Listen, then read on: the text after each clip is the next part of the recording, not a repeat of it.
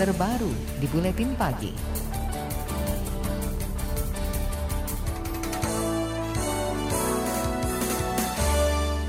Presiden Joko Widodo meminta masyarakat Indonesia bekerja, belajar, dan beribadah di rumah. Hal ini dimaksudkan untuk menghindari meluasnya wabah COVID-19 yang saat ini mencapai 117 orang. Menurut Jokowi, sebagian aparatur sipil negara atau ASN juga akan bekerja dari rumah dan pelayanan serta komunikasi dilakukan dalam jaringan atau online dengan tetap mengutamakan pelayanan prima kepada masyarakat. Dengan kondisi ini, saatnya kita kerja dari rumah, belajar dari rumah, ibadah di rumah. Inilah saatnya bekerja bersama-sama, saling tolong menolong, dan bersatu padu, gotong royong. Kita ingin ini menjadi sebuah gerakan masyarakat agar masa, masalah COVID-19 ini bisa tertangani dengan maksimal. Presiden Jokowi juga menginstruksikan kepada kepala daerah agar berkonsultasi dengan Badan Nasional Penanggulangan Bencana BNPB sebelum menetapkan status daerahnya terkait wabah COVID-19. Penetapan status itu akan menjadi rujukan penanganan di daerah masing-masing. BNPB adalah lembaga yang ditunjuk sebagai kepala gugus tugas percepatan penanganan COVID-19. Sejumlah daerah mulai menanggapi instruksi Presiden Jokowi. Di Solo, Jawa Tengah, Wali Kota Hadi Rudiatmo menetapkan daerahnya berstatus kejadian luar biasa COVID-19. Meski begitu, Wali Kota meminta masyarakat tidak perlu panik karena Pemkot Solo terus berusaha memaksimalkan mengantisipasi penyebaran COVID-19. Sementara di Kabupaten Belitung, pemerintah setempat memutuskan mengisolasi terbatas wilayahnya. Isolasi atau lockdown dilakukan untuk menekan penyebaran virus corona di daerah tersebut. Mengutip Tempo, Wakil Bupati Belitung Isyak Mei Robi menjelaskan, isolasi dilakukan di sekolah dan ruang publik. Namun pihaknya masih akan berkoordinasi dengan Kementerian Perhubungan terkait wacana penghentian aktivitas penerbangan di sana. Pasalnya, Belitung juga membutuhkan akses masuk logistik dan kepentingan kemanusiaan lainnya pemerintah pusat belum mempertimbangkan opsi lockdown atau isolasi. Alasannya, menurut juru bicara pemerintah untuk penanganan COVID-19 Ahmad Yuryanto, isolasi belum terbukti efektif menurunkan penyebaran COVID-19. Ia mencontohkan isolasi di Korea Selatan yang berlangsung kurang efektif. Sebaliknya, ketika suatu daerah di Korea Selatan tidak diisolir, penyebaran COVID-19 justru menurun. Belum menempatkan opsi lockdown karena ternyata Korea sendiri begitu setelah memutuskan lockdown, kasusnya menjadi tidak terkendali, sekarang dibuka lagi dan turun. Ingat, kita tidak akan menutup satu daerah dan membiarkan daerah itu mengalami penularan sampai habis. Tetapi kita yang harus dilakukan adalah segera cari sumber penyebaran dan kemudian isolasi. Menurut juru bicara pemerintah untuk penanganan COVID-19 Ahmad Yuryanto, membatasi aktivitas masyarakat bukan berarti membelenggu tetapi untuk mengedukasi masyarakat agar menghindari keramaian, misalnya bekerja dari rumah dan belajar dengan metode daring. Badan Standar Nasional Pendidikan BNSP mengeluarkan edaran soal pelaksanaan ujian nasional tahun ini. Edaran dikeluarkan menyikapi penyebaran virus corona di tanah air. Edaran itu berisi kebijakan UN jika daerah meliburkan atau tidak meliburkan kegiatan belajar mengajar. Bagi daerah yang meliburkan, UN dapat dijadwalkan kemudian setelah koordinasi dengan pusat. Sementara bagi yang tidak meliburkan, UN dapat dilaksanakan sesuai jadwal dan protokol yang ditetapkan BNSP. Saat ini sejumlah daerah sudah meliburkan meliburkan kegiatan belajar mengajar, semisal di Jakarta, Jawa Barat, dan Jawa Tengah. Meski begitu, di Sulawesi Utara, Gubernur Oli Dondo Kambe tetap melaksanakan ujian nasional berbasis komputer atau UNBK untuk tingkat sekolah menengah kejuruan atau SMK hari ini hingga Kamis mendatang. Pelaksanaan ujian dilakukan dengan memerhatikan protokol kesehatan di sekolah, misalnya menyiapkan alat pengukur suhu tubuh dan lainnya. Sementara ini ujian nasional hari Senin kita belum mendapatkan apa instruksi untuk Sulawesi Utara uh, tidak dilaksanakan. Sementara kita komunikasi terus dengan uh, Departemen Dikan. Itu tadi Gubernur Sulawesi Utara Oli Dondo Kambei. Pagi ini ujian nasional berbasis komputer atau UNBK untuk SMK dipusatkan di SMK Negeri 1 Manado. Pelaksanaannya akan dibuka Gubernur Sulawesi Utara melalui konferensi video. Di Manado, sudah ada pasien positif terinfeksi COVID-19 yang diisolasi di Rumah Sakit Kandow Malalayang. Selain itu, puluhan orang lainnya juga masih menunggu hasil pemeriksaan COVID-19. Laporan khas KBR tentang inisiatif warga tes COVID-19 lamban direspon akan hadir usai jeda. Tetaplah di Buletin Pagi KBR.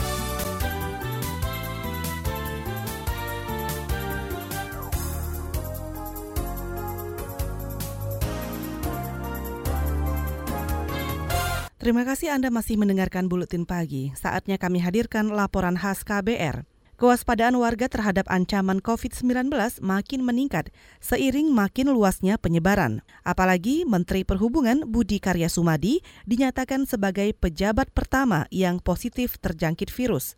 Publik lantas menyisir riwayat kontaknya, dibarengi inisiatif untuk melakukan tes COVID-19.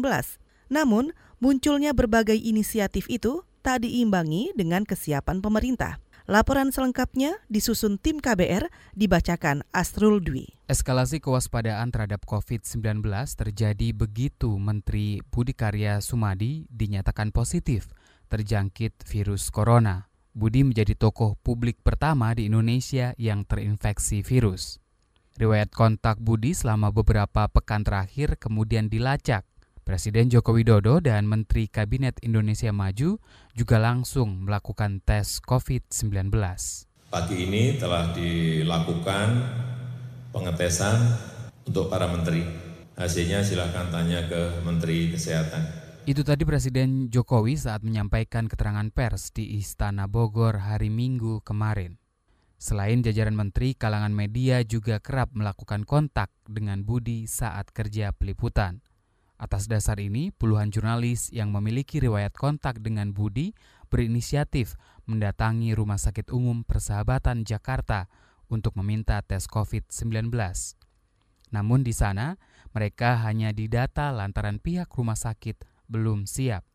Padahal para jurnalis sudah mendapat persetujuan tes COVID-19 dari juru bicara pemerintah untuk penanganan corona Ahmad Yuryanto.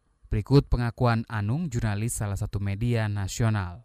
Padahal saya sudah uh, eh, WA-WA-an dengan Pak Yuri dari malam, pagi kemudian telepon dan dia baru ngabarin ke dirut persahabatan itu pagi tadi dan e, mengaku masih akan rapat untuk menentukan penanganan terhadap wartawan ini. Dan akhirnya saya tanya ke dirut, bagaimana ini teman-teman wartawan?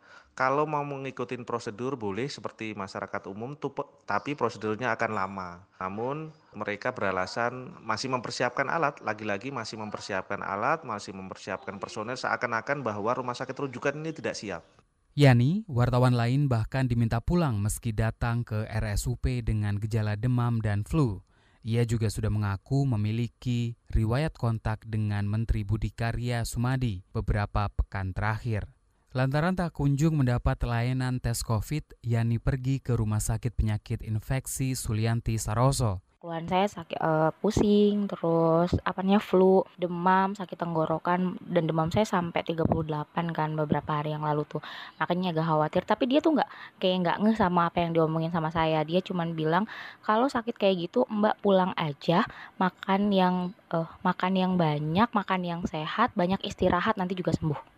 Inisiatif sukarela dari warga untuk tes COVID-19 tampaknya memang lamban direspon pemerintah. Irsyandi, warga Jakarta Selatan juga ditolak Rumah Sakit Umum Daerah RSUD Pasar Minggu.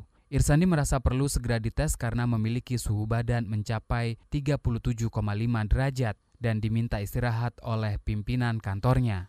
Namun pihak rumah sakit beralasan Irsandi tidak memenuhi syarat untuk diperiksa lantaran belum mengalami gejala mirip COVID-19 seperti demam, batuk, flu, hingga sesak nafas.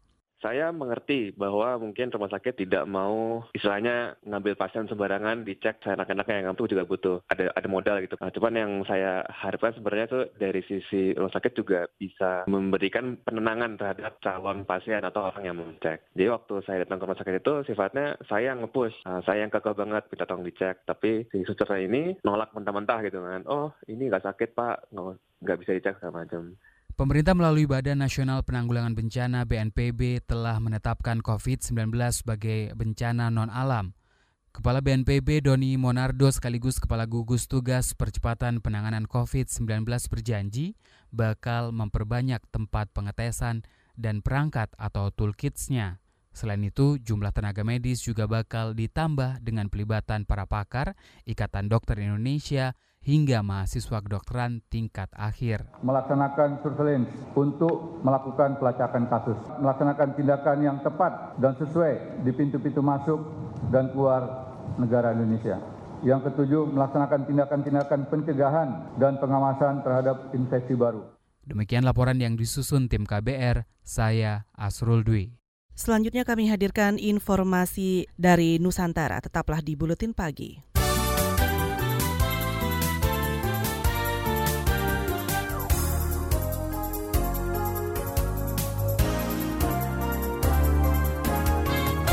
Saudara jumlah pasien COVID-19 bertambah menjadi 117 orang dengan angka kematian 5 kasus. Juru bicara pemerintah untuk penanganan COVID-19 Ahmad Yuryanto mengatakan pasien baru terinfeksi COVID-19 berjumlah 21 orang. Salah satunya adalah Menteri Perhubungan Budi Karya Sumadi. Dua pasien lainnya merupakan kasus di Jawa Tengah.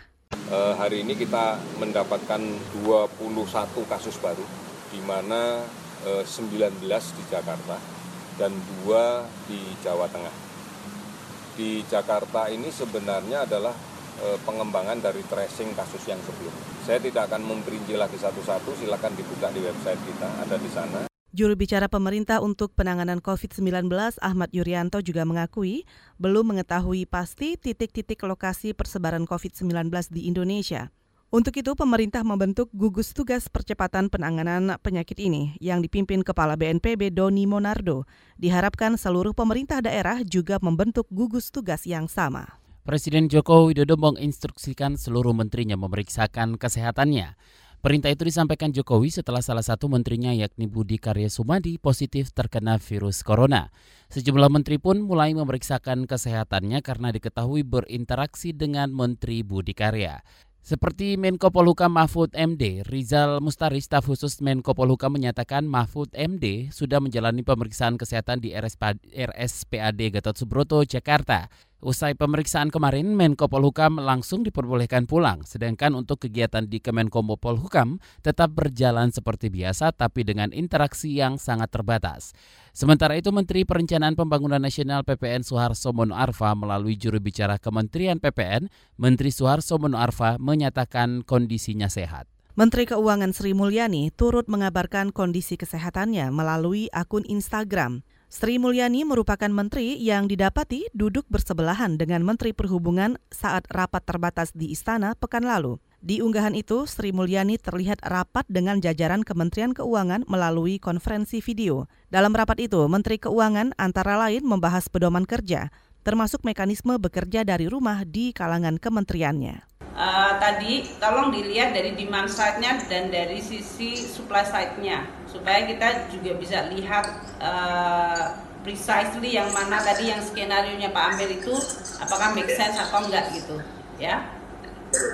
Mungkin yang memang paling berat sih kalau sampai terjadi orang work from home segala macam itu consumption kan. Kan kita semua tahu begitu consumption turun ke 4 ya kita turun semuanya ke kisaran 4 bisa dia turun di bawah 3 ya semuanya ikut ke 3 di akun Instagramnya Menteri Keuangan Sri Mulyani juga menyatakan rapat dengan sistem konferensi video mengurangi potensi penularan COVID-19 Sementara itu, Menteri Dalam Negeri Tito Karnavian membantah kabar dirinya terpapar virus corona. Itu disampaikan staf khusus Menteri Dalam Negeri Kastorius Sinaga. Hal senada disampaikan Arya Sinulinga, staf khusus Menteri BUMN, dalam pernyataan persnya menyatakan Erick Thohir sudah diperiksa COVID-19 di RSPAD Gatot Subroto, Jakarta. Hasil tes disampaikan tim medis dan menyatakan Erik sehat sehingga tetap beraktivitas seperti biasa. Berita dari mancanegara, saudara seorang bayi yang baru lahir menjadi kasus pasien termuda positif COVID-19 di Inggris. Ibu sang bayi memang sempat berobat ke rumah sakit North Middlesex University di London dengan gejala pneumonia. Tapi kemudian hasil pemeriksaan membuktikan ia dan bayinya yang baru dilahirkannya terinfeksi COVID-19. Belum jelas apakah bayi yang baru lahir itu terinfeksi COVID-19 dari ibunya sejak masih dalam kandungan atau selama proses melahirkan. Saudara dua dokter Amerika Serikat mengklaim berhasil membantu meredakan infeksi COVID-19 terhadap belasan pasien. Kedua dokter itu adalah George Thompson, spesialis penyakit menular di University of California Davis Medical Center, dan Richard Chills, asisten ahli bedah umum dan spesialis paru-paru di National Institutes of Health. Kedua dokter mengaku menyelamatkan nyawa seorang pasien COVID-19 yang sudah kritis. Begitu juga dengan 14 penumpang kapal Diamond Princess yang positif terinfeksi COVID-19. Obat yang sengaja diuji klinis kepada para pasien itu adalah remdesivir atau obat antivirus eksperimental. Cairan remdesivir diinfuskan ke tubuh pasien. Hasilnya berhasil membunuh enzim RNA polimerase yang memicu perkembangbiakan virus. Sampai akhir pekan kemarin ada 2.600-an kasus COVID-19 di Amerika dengan 52 jumlah kematian. Informasi lain akan kami sampaikan sesaat lagi. Tetaplah bersama kami di Buletin Pagi KBR.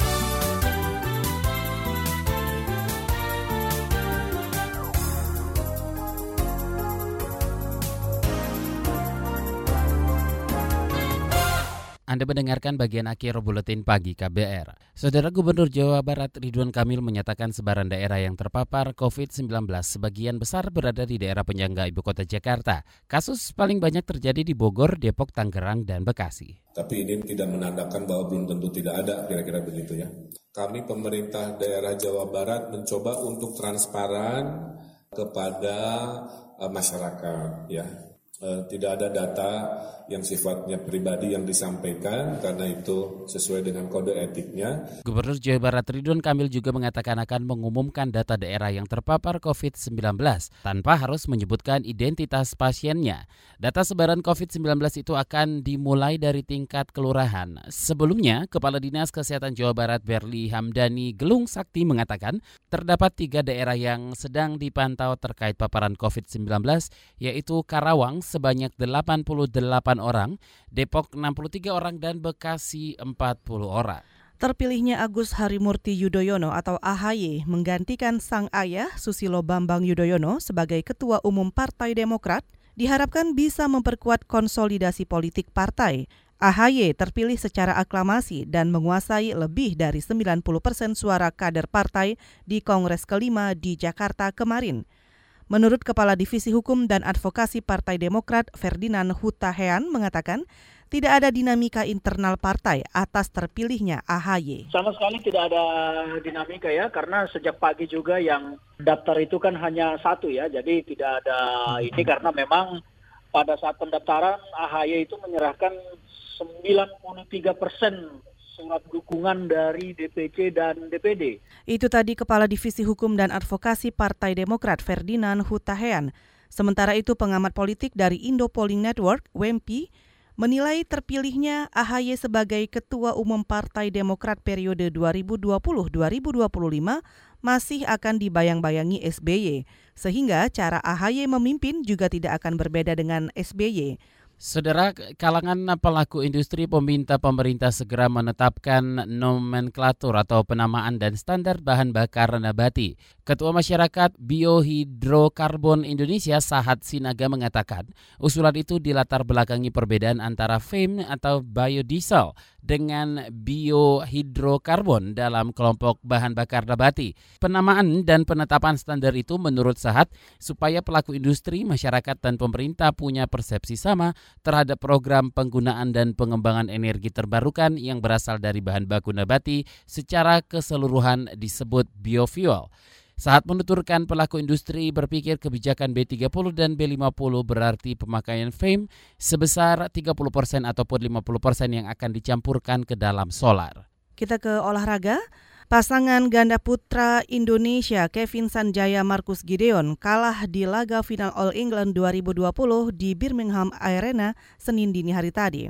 Kevin Marcus kalah 3 set melawan ganda putra Jepang Indo dan Watanabe dengan skor 18-21, 21-12 dan 19-21. Kekalahan ini membuat rekor catatan buruk Minions melawan Indo Watanabe bertambah menjadi 2-6. Di ajang All England tahun ini, Indonesia juga harus puas memboyong satu gelar yang disumbang ganda campuran Praven Melati. Keduanya menjadi juara setelah menumbangkan perlawanan unggulan Thailand Dekapol Sapsire dengan skor 21-15, 17-21, dan 21-8. Seluruh induk cabang olahraga diinstruksikan mencermati wabah COVID-19 sebelum melanjutkan agenda kompetisi. Menteri Pemuda dan Olahraga Zainuddin Amali mengatakan keputusan untuk melanjutkan atau menunda kompetisi olahraga diserahkan kepada masing-masing pengurus induk cabang olahraga. Menyepakati bahwa untuk kelanjutan kompetisi di masing-masing cabang olahraga yang melakukan pelaksanaan kompetisi untuk klub-klub uh, profesional itu diserahkan kepada eh, masing-masing. Uh, nah kemarin untuk basket ya uh, apa namanya IBL-nya sudah menyatakan akan menghentikan sementara. Menpora Zainuddin Amali menambahkan kegiatan kompetisi olahraga yang biasanya menarik banyak jumlah massa sebaiknya tetap digelar tapi tanpa menghadirkan para penonton atau lebih baik lagi ditunda dulu kompetisinya untuk sementara waktu. Serangkaian berita daerah tadi mengakhiri buletin pagi KBR hari ini. Saya Eka Juli. Dan saya Don Brady, kami undur diri. Salam.